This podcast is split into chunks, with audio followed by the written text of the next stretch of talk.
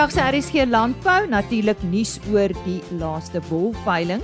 Dan praat ons met Wilco Fourie van die Oranje Rivier Landbou Unie oor die vloede wat boere veral in die benede Oranje Rivier vir die afgelope meer as 2 jaar 6 keer getuister het. Carlo Nolte van Agri Noord-Kaap praat oor die toekoms van springkaan pla. Die Beefmaster Beesteelersgenootskap het vanjaar 'n toer deur die Vrystaat aangebied. John Rafferty gesels met ons daaroor en bulvoeding vir optimale produksie kom ook onder bespreking deur Johan Mouton van Molatek.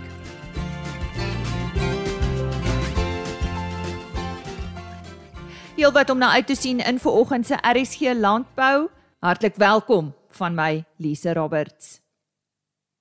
Eers dan die woord, Heinrich Victor met ons wolmark verslag. Daar's hy, dankie Lise en 'n hartlike goeiemôre weer eens hier uit die OVK wolkantoor. Nou hierdie week bring ons vir u 'n bietjie goeie nuus.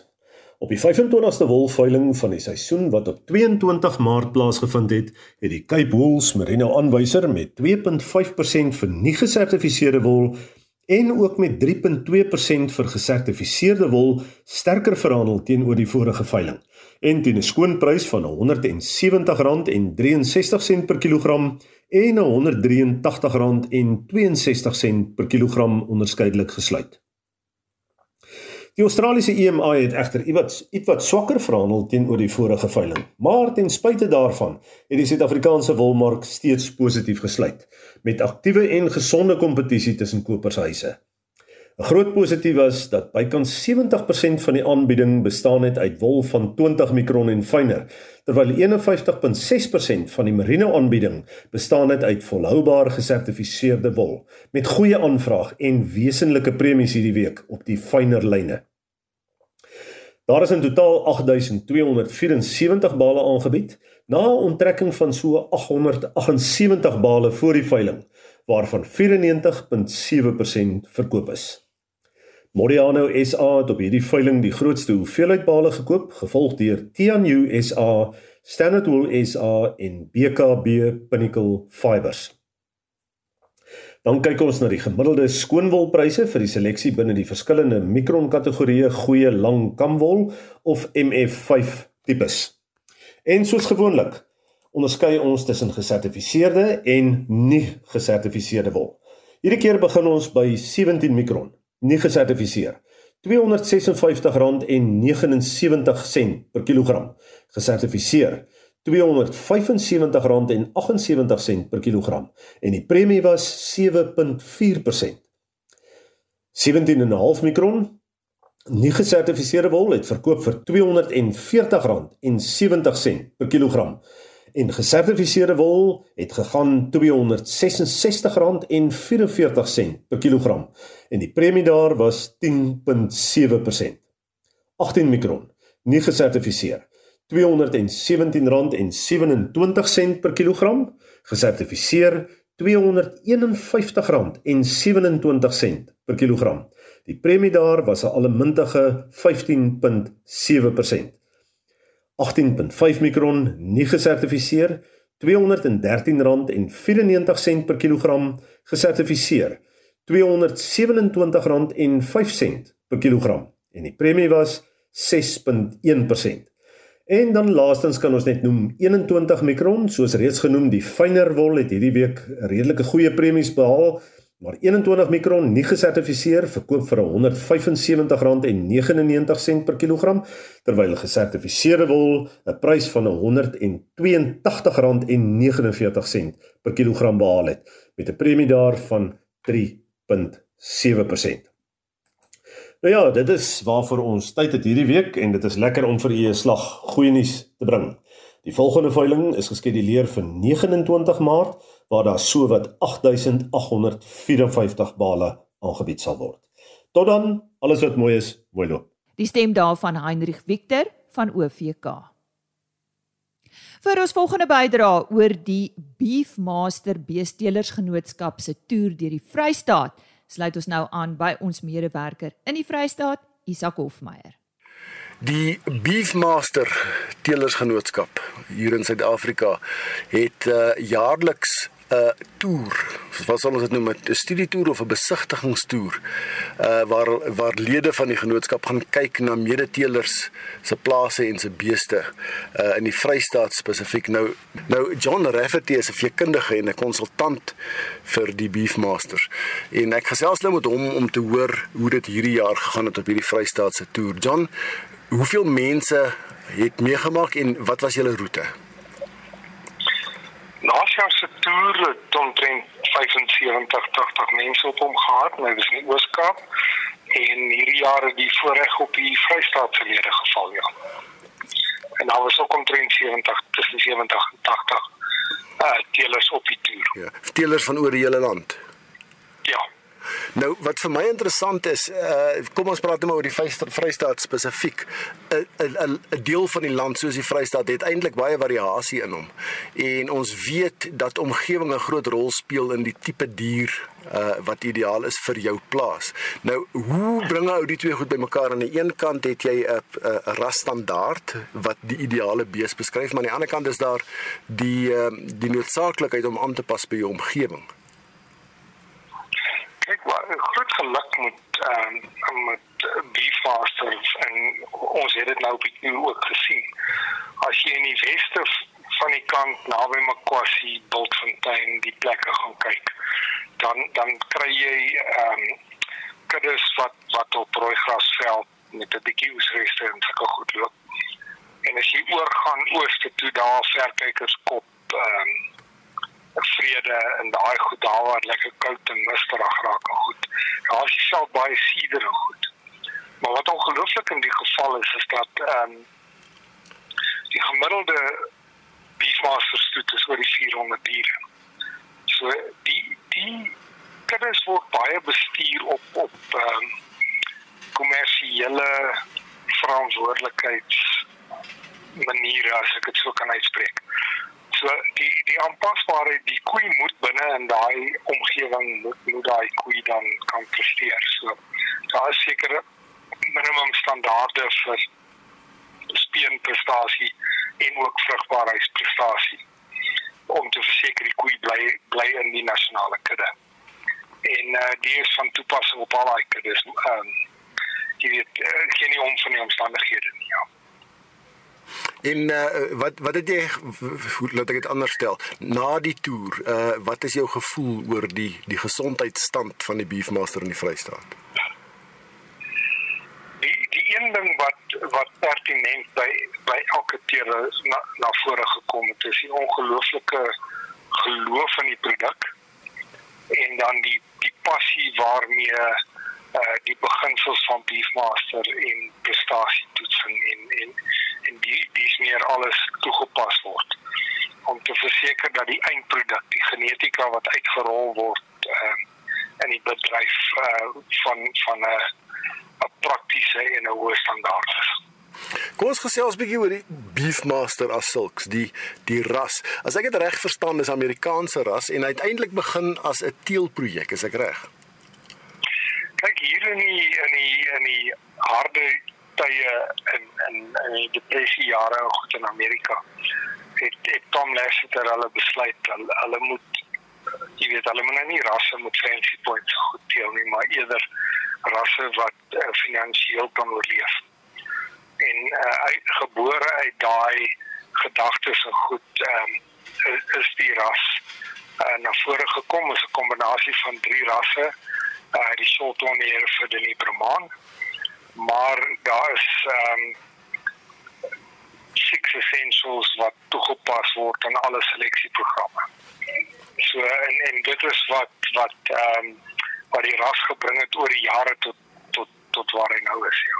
Hierdie six essentials waarvan jy praat, is die die pilare waarop 'n uh, seleksie raamwerk berus. Kan jy bietjie daaroor praat? Dit gaan nog uh, goed soos aanpasbaarheid en gehardheid melkproduksie, konsumasie, ehm um, gewig, ehm um, vrugbaarheid en temperament wat wat ehm um, alles die grondslag tot enige seleksie is. Dis 'n ras wat nie skou nie, so ehm um, hierdie is die die die goue draad wat deur deur alle teelbesluite goed geneem word ja. Maar as ek so luister is dit eintlik die die pilare waarop enige seleksieprogram dit maak nie saak watter ras dit is nie enige enige seleksieprogram op rus. Kyk die belangrikste goed wat die wat die oorleef of die oorlewing uit van van 'n van 'n kudde van 'n beeskudde verseker is nommer 1 vrugbaarheid en en nommer 2 groei en en en dan kom konformasie en 'n paar van die ander dinge. So die die die prioriteite na vrugbaarheid toe en groei is is is altyd uh baie hoog op die kerfstok. Maar een van die dinge wat Beefmaster reg gekry het is om genetiese groei in albei vrugbaarheid en in groei saam te kry. Nou dis twee eienskappe wat eintlik uh ongekoppel aan mekaar is. En uh dis eintlik 'n wonderwerk dat Beefmaster oor die jare hierdie genetiese tendens die altyd reg gekry het. So die grondslag vir daai die feit dat hulle altoe gekry het, moet ook seker iets te doen hê met aanpasbaarheid. Ja. Hoe gesond is die Beefmaster in Suid-Afrika in terme van getalle waar waar lê julle op die ranglys?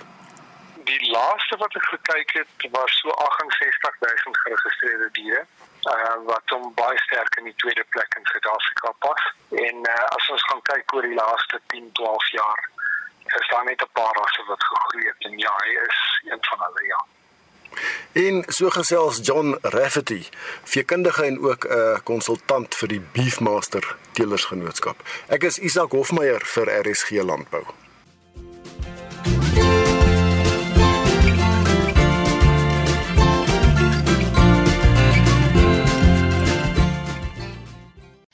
Verlede jaar het die boere in die Noord-Kaap gebuk gegaan onder die velaanslag van sprinkane. Maar danksy goeie samewerking met die departement van landbou en georganiseerde landbou, het hulle daarin geslaag om die sprinkane goed onder beheer te kry. Vanjaar het die provinsie weer goeie reën gehad, maar die sprinkane het hierdie keer ander weivelde gaan soek. Koos de Pisani gesels met Agri Noord-Kaap se verteenwoordiger van omgewingsake Carlo Nolte om te hoor of die boere bekommerd moet wees vir nog 'n aanslag. Vanjaar was alweer 'n klompie sprinkaan uitbrake in Suid-Afrika. En die jaar voor dit was dit 'n groot probleem in die Noord-Kaap. En die Noord-Kaap boere het baie moeite gedoen om die ja, sprinkaan onder beheer te kry. En ek gesels vandag met Carlo Nolte. Hy is die verteenwoordiger van omgewingsake by Agri Noord-Kaap. Ek wil 'n bietjie by hom uitvind Wat is die stand van van sake ten opsigte van sprinkane? Carlo, was daar weer sprinkaan uitbrake in in die Noord-Kaap gewees hierdie jaar? Ja, definitief. Koos dit is daar was weer gewees, nie dieselfde as die vorige seisoen nie. Um hierdie jaar baie minder, baie meer kolkol, maar die meeste uitbrake wat ons gehad het met dit was in die Oos-Kaap gewees waar dit sover gegaan het tot in Stadterrein uh, waar die ouens hom baie probeer keer het sodat nie die Transkei en die Ciskei kon sou ingegaan het nie. Wat was die rede hoekom was daar nie so groot uitbrake in die Noord-Kaap gewees nie? Sprinkanus uitbrake gaan oor ons ons ons reën en ons weere waartoe omtrent dit gaan. Ek dink wat gebeur het is met die vorige seisoen was alles was ideaal geweest. Um, ons het baie reën gehad, warm aande, warm dae. So uitbroei was was erg. Hierdie jaar um, het ons nie het ons baie koeler aande gehad. Ehm um, so jou uitbrake was baie minder, maar ek dink tog die vorige seisoen het die saam met die departement en saam met die boere wat wat wat dit bestry het, het die ouens ook um, dink 'n baie goeie werk gedoen van wat vorige jaar gedoen is. So ek ek gee 'n pleintjie vir die ouens wat op die grond werk met dit. Maar verwag julle nog uitbraak voor die winter kom? Nee, nee op die stadium dink ons nie ons gaan groot uitbrake hê nie. As is gaan dit baie baie klein wees en beheerbaar wees. Um, ons hou ons uh, voete maar op die grond en ons op die grond tot met so rondom einde Mei en dan gaan das min of meer wanneer die seisoen uh, verander. Ons aande begin al klaar koeler raak. Ehm um, so ek dink nie ons gaan weer enigstens sulke groot sê nie. Ons is verseker voorberei vir die vir 'n volgende uitbrake. Ons gif is afgelewer, alles is reg, ons papierwerk, ons goed, alles is 100% reg. So ek dink uh, vir 'n volgende seisoen ons is dalk bietjie meer gerad as die vorige seisoen. Dit was uh, Karen Holte wat so gesels. Ek is Koos de Pisani vir RSG Landbou op Appington. En aan die einde van vandag se program ook 'n gesprek wat hy gehad het met Wilko Fourie oor die vloede. Maar ons sluit nou eers aan by Christelise Miller. Johan Mouton, tegniese bestuurder van navorsing en ontwikkeling by RCL Foods Moletek, het onlangs op Simbra SA se tweedagse inligtingsdag by die Afridome in Parys in die Vrystaat gefokus op die voeding van bulle vir optimale produksie. Hy het voedingswenke aan boere gegee ten opsigte van die voorbereiding van bulle vir 'n veiling. Kom ons luister. Ons praat nou met Johan Mouton, tegniese bestuurder van navorsing en ontwikkeling by Molatech. Johan, goeiedag, is lekker om met jou te gesels. Dag Christelie, dit is weer lekker om saam met julle te wees. Hoekom is voeding belangrik, veral ten opsigte van bulle? Wel, Christelie, ons bulle moet vir 'n lang tyd, 6 of 8 jaar in die kudde bly. Um, ons verwag hulle moet dan met 30, 35 koeie elke jaar dek. Die ouens moet stap in die veld, so ons soek 'n dier wat goed ontwikkel het, lekker fiks kan wees om vir ons goeie langslewendheid te gee. Vir daai rede sorg vir hom goed as hy klein is dat hy goed kan ontwikkel. Goeie kos, miskien ehm um, goeie kos is nie noodwendig gesak mielies nie. Goeie goeie hoë kwaliteit drievoer is die eerste plek waar ek wil begin. Goeie kwaliteit proteïene. Bietjie irium vir 'n bil is glad nie sonde nie. Dit maak hom nie onvrugbaar nie. Dis sommer ou vrou stories daai. Ehm um, maar ek dink die grootste gevaar wat ek in die bedryf sien, ons oorvoer ons bulle dikwels en ek weet dis 'n geveg wat al 30, 40 jaar kom dat ons bulle oorvoer word. Ek dink regtig nie dis nodig nie. Te veel mielies vir 'n bil kan tydelike vrugbaarheid veroorsaak en ons wil regtig nie daar gaan nie. Ehm um, bietjie mielies, ehm um, kom ons sê 40% in 'n bulrantsoen is genoeg. Die res kan van ander rou materiale afkom. Dan behoort ons 'n bil uit te groei wat lekker lewenskragtig en goed is. Onthou net dit gaan nie net oor die voeding nie.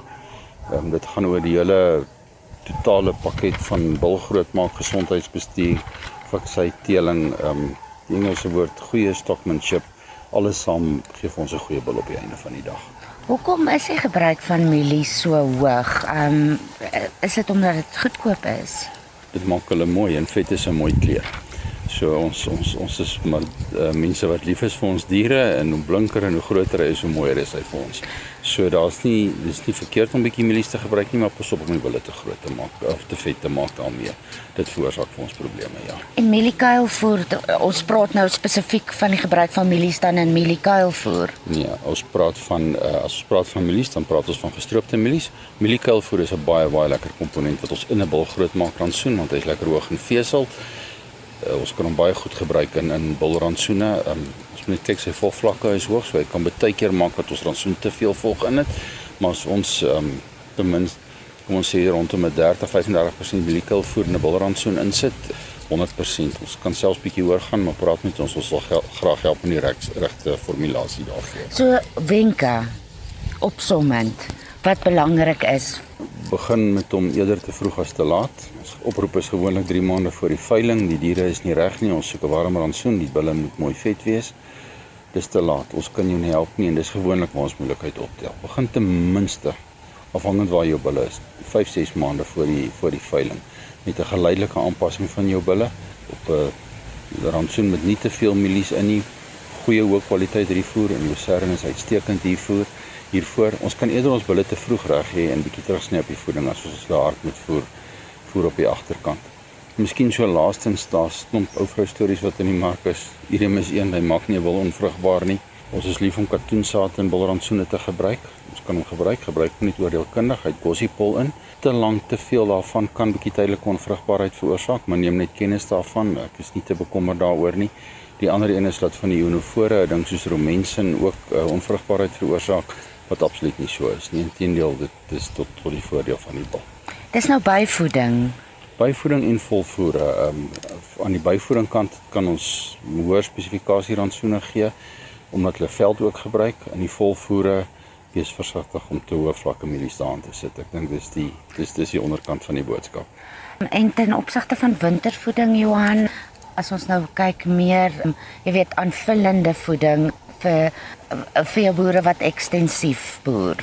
Kyk ook kyk goed na jou bulle, goeie produksie lek daarvoor en en die spoorminerale miskien nie altyd perfek reg nie, maar 'n goeie hoë kwaliteit skaaplek is 'n baie goeie lek vir 'n bul ook want hy's lekker hoog in goeie kwaliteit proteïene in.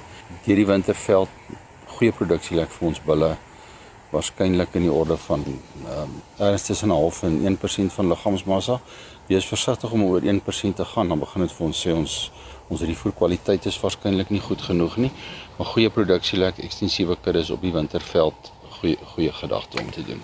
So opsommend jou boodskap wat jy wil hê boere moet uit jou aanbieding uit huis toe vat. Ons praat vandag miskien bietjie meer na die stoetkant toe. Vol daai voer daai bulle doen dit net geleidelik oor 'n lang stadige tyd. Pas op vir te veel mielies. Vir ons kommersiële ouens pas jou wil heel jaar opgee om goeie kwaliteit hoë proteïenlik ook gedurende die wintermaande. As mense met Molatek in verbinding wil tree, hulle, hulle is welkom om om om op ons uh, webtuiste in te gaan uh, www.molatek.co.za. Uh, as jy net Molatek Google gaan jy dit ook kry al ons besonderhede is daar. Ek dink amper my besonderhede is ook daar. Is welkom om my persoonlik op te kontak, geen probleem. Dit was dan Johan Mouton, tegniese bestuurder van navorsing en ontwikkeling by RCL Foods Molatek en Christelise Miller het met hom gesels. Die Oranje rivier het die afgelope 2 jaar sommer 'n paar keer sterk afgekom en die boere in die benede Oranje wat baie konsentreer op druiwe en pekanneute het groot skade gely as gevolg van die vloede. Beerdkrag het ook bygedra tot hierdie probleem. Koos Pisani het by Wilko Fourie, die voorsitter van die Oranje rivier Landbou Unie gaan uitvind tot hoe groot mate die skade was en of dit beter bestuur kon word. Die afgelope jaar het Suid-Afrika bo-gemiddelde reënval gehad. Die Oranje rivier het 'n paar keer sterk afgekom en dit was veral die besproeiingsboere wat skade gely het.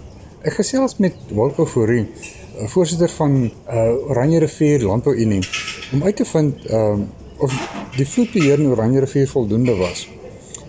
Wilko, die besproeiingsboere, of het die besproeiingsboere groot skade gehad as gevolg van vloede? Of uh, dink jy die um, vloedbeheer was voldoende geweest? Jong, ons het oor die afgelope bietjie meer as 2 jaar omtrent 6 keer 'n vloei gehad van omtrent 3000 kubiek en hoër met 'n piek wat ons nou op die einde van 4.500 kubiek gehad het. Dit het ongelukkig maar op klomp plekke skade veroorsaak. Ehm um, dit, dit was eenvoudig net te veel water. Ek dink oeskade was dalk beperk omdat hierdie laaste vloed redelik laat was maar dat daar infrastruktuurskade plaasgevind het is verseker so. En rondom beheer, ek dink daar's so min inligting wat akkuraat is in die stelsel wat dit eintlik onmoontlik maak vir die departement om dit akkuraat te beheer. So ek dink met beter inligting kon hierdie vloed definitief baie laer bestuur gewees het. So baie mense praat mos van 'n mensgemaakte vloed. Ehm um, dis moeilik om regtig vinger te wys, maar dit kon beter bestuur geword het met beter inligting. Wat verwag julle hier van van Oranje rivier Landbou Unie? Behoort die departement van waterwese te doen om uh toekomstige vloede te te beheer? Want daar's meer eenvoudige en en meer komplekse antwoorde. Ek dink nommer 1 is dit nodig dat hier al lankal meer damme gebou moes gewees het. Die oomblik as jy meer damme is dat jy meer kapasiteit is, dan sit makliker en hoë vloei om damme teen 'n bietjie laer vlak te bestuur. Maar omdat daar te min water is, hou hulle die damme heeltyd maksimum vol en dit skep geen bufferkapasiteit tydens groot reënbuie nie. So dit is een ding hoe hulle die vloede laer kan bestuur. Beter meet meetstrukture gaan ook help. Ek dink dis die meer eenvoudige antwoord. Deur beter metings te hê, kan hulle ook dit beter bestuur. Ehm um, so dit dit in kort daar kan definitief beter bestuur plaasvind. Dit gaan ongelukkig geld kos, damme gaan baie geld kos. Meting om dit weer akkuraat te kry, dink ek nie gaan so baie geld kos nie en dit kan help dat hulle meer onmiddellike inligting beskikbaar het wat wat kan help om dit goed beter te bestuur dat hulle proaktief water kan uitlaat of weet wat kom en dit reg bestuur elke halfmeter wat die vlak laer bestuur word, bring mos natuurlik heelwat minder skade. Daar's ook 'n ruk gelede was daar gepraat van van vloedwalle wat wat uh opgradeer moes word. Is die projek nou al afgehandel? Sou dit die die vloede dalk beter kon beheer het hierdie jaar? Die walle is tot 'n groot mate herstel. Daar was nog 'n dispuut geweest en ek dink dis waar jy kom 'n 3, 4 jaar terug wat ons weer die proses in die gang gesit het om vir die departement te sê die walle is nooit klaar herstel nie. Daar was van die walle wat die geld opgeraak het wat toe nooit finaal klaar gemaak is nie. Ek dink omtrent 90% van die walle is destyds klaar herstel. Dit het veroorsaak dat hierdie laaste vloedpiek wat baie naby aan 2011 was, minder skade veroorsaak het omdat daar walle was. Maar aan die ander kant 6 keer wat die water 3000 kubiek oorskry het hierdie afgelope 2 jaar het hierdie walle sag gemaak. Die water kom, die wal raak sag, die water sak terug, die water kom weer. So hier's baie skade aan hierdie walle aangerig. By 'n paar plekke het die walle weer gebreek, maar ook die plekke waar die walle nie weer gebreek het nie, is die walle beskadig. Die walle is dun, die walle is swak. So hierdie walle gaan nie nog 'n vloed oorleef nie. So daar gaan moet ernstige werk gemaak word om hierdie walle weer terug te kry op 'n standaard dat as daar in die toekoms weer 'n vloed kom, dit wel hierdie vloed kan uithou. Ook daar word ook gepraat van die beerdkrag het ook 'n groot invloed op die op die uh, oeste hierdie jaar. Wat is julle ervaring hier in die uh, hier in Appington omgewing? Ons is hoofsaaklik mos nou 'n wingerd omgewing. Neute is iets wat ook al hoe meer bygekom het. Dis gewasse wat redelike waterbehoefte het en konstante waterbehoefte het.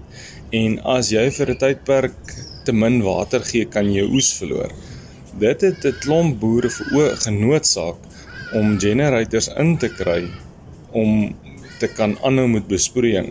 As ons gaan kyk na November, Desember veral wat ons daai vorige ronde van ernstige beerdkrag vir 'n lang tyd fase 6 gehad het, dit was in die tafeldryf paktyd. Daai verkoelingsketting kan nie onderbreek word nie. So daar moes generators gekry word om daai koelkamers te trek. Nou dis enorm hoeveelheid krag wat daai goed trek. So ek ek wil nie 'n kans waag om te sê hoeveel diesel daar gebruik is nie, maar dat daar miljoene en miljoene rande se diesel verbrand is om besproeiing en verkoeling te kon doen van November tot nou toe. Dis verseker so. Nou moet jy onthou, jy beskerm jou oes. Dis nie 'n inset wat jy insit wat vir jou addisionele uitset gee nie. Dit is net om jou oes te beskerm. So daai uitgawe kom direk af van jou wins af. In 'n tyd wat ons winsmarge klaar baie baie fyn gesny is, wat ons eintlik klaar swak oeste het, ons waarskynlik klaar verliese sou maak, word daai verliese net nog groter gemaak deur hierdie uitgawe. Uh so jy reken dat ehm um, ons kan groot of, of redelike ernstige verliese verwag hierdie jaar. Verseker. In die wingerdbedryf ons rosientjie oes ehm um, wat op hierdie stadium is die potensiaal langs die rivier al dat daar omtrent 100 000 of nie langs die rivier het sluit nou Olifantsrivier in maar Suid-Afrika kan al 100 000 ton rosientjies produseer. Die huidige skatting is so rondom 55 000 ton vir die seisoen. Vir jy verstaan, dis 'n halwe oes. Ons wyn moet ons tussen 50 en 60 000 ton nog kan produseer Dit lyk nie of ons 30000 ton gaan produseer hierdie jaar nie. So ou sit klaar met 'n 50% wingerd oes. Die tafeldrywe wat gemanipuleer kan word is ook ten minste 30% af hierdie seisoen. So op net op daai syfers besef jy dat ons waarskynlik klare verliese maak nog voor beerdkrag en al die ander skades ingekom het. Dit was 'n uh, wolkoforie. Ek glo die, die Noord-Kaapse boere sal weer kan opstaan en weer kan aangaan. Ek is Koos de Pisani vir RSC Landbou in Appington. Dis dan vandag se RSC Landbou. Dankie dat jy vandag by ons aangesluit het. Maak gerus môreoggend weer so. Ons sluit dan weer aan by Christelise Miller en by Koos de Pisani. Koos het met Dirk Krappel gaan praat oor die Poppiewet en sekuriteitskameras.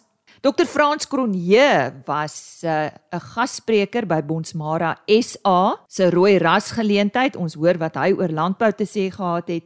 Ons praat ook oor koringproduksie in die Wes-Kaap. Dis alles môreoggend in RSG Landbou. RSG Landbou by plaasmedia.co.za. Dit is 'n e-posadres. En dan, soos altyd, die volledige program op rsg.co.za as potgooi en jy kan ook www.agriorbit.com raadpleeg vir die onderhoude. Totsiens. RSG Landbou is 'n plaas media produksie met regisseur en aanbieder Lize Roberts en tegniese ondersteuning deur Jolande Rooi.